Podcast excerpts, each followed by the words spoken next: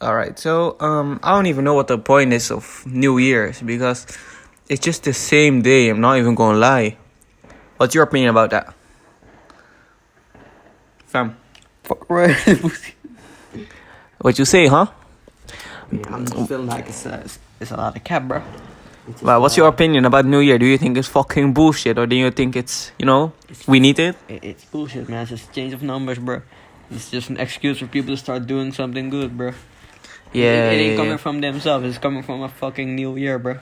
Hey, yo, that's facts, my man. Yo, why does it have to be like firework? Why does that have to be a thing on New Year's? I don't know. I mean, it, it lit, I guess. It kinda do be lit, fam, innit?